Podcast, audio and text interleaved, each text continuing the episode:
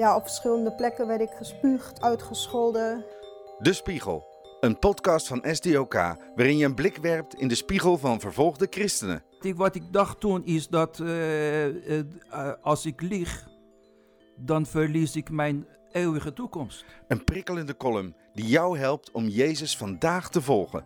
En uh, zelfs toen ik werd geslagen, had ik echt zo'n vreugde van binnen van... dit is het, ze mogen me alles afnemen, maar dit kunnen ze me niet meer afnemen. Met Richard Groeneboom. Heb jij dat ook wel eens? Dat je wat somber bent over de kerk in Nederland? De secularisatie die dende door. Voor de meeste Nederlanders zijn kerk en geloof totaal irrelevant geworden.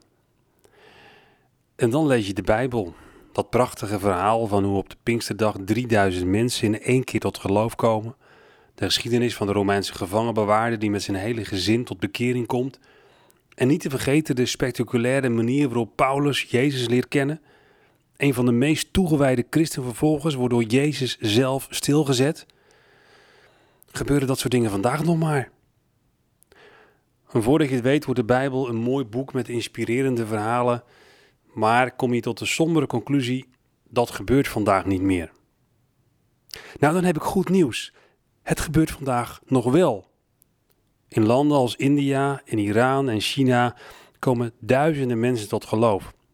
En zien we dat gebeurtenissen zoals we die in Handelingen 2 lezen, zich vandaag de dag nog steeds herhalen. Juist in landen waar de vervolging van christenen erg groot is, groeit de kerk. Zelfs extremisten komen tot geloof.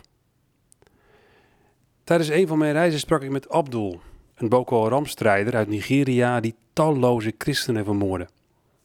In een droom zag hij Jezus en die zei tegen hem: Ik ben de God die jou geschapen heeft.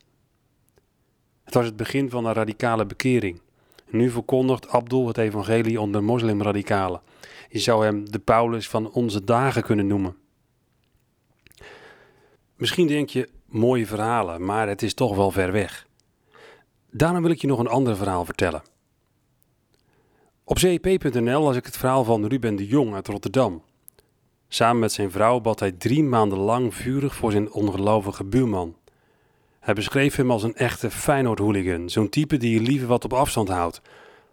En toch had Ruben het op zijn hart gekregen om vurig voor deze buurman te bidden, dat hij Jezus zou leren kennen. Na drie maanden stond deze buurman opeens op de stoep. En hij vertelde dat hij drie maanden lang s'nachts wakker lag. En als hij zijn ogen opendeed, dacht hij aan Jezus. De man zijn leven is compleet veranderd. De God van de Bijbel is nog steeds dezelfde. En de Bijbelse verhalen zijn actueler en realistischer dan je jezelf misschien ooit beseft. God is niet veranderd. Wat in handelingen gebeurde, gebeurt vandaag nog steeds op veel plekken op de wereld, ook in Nederland.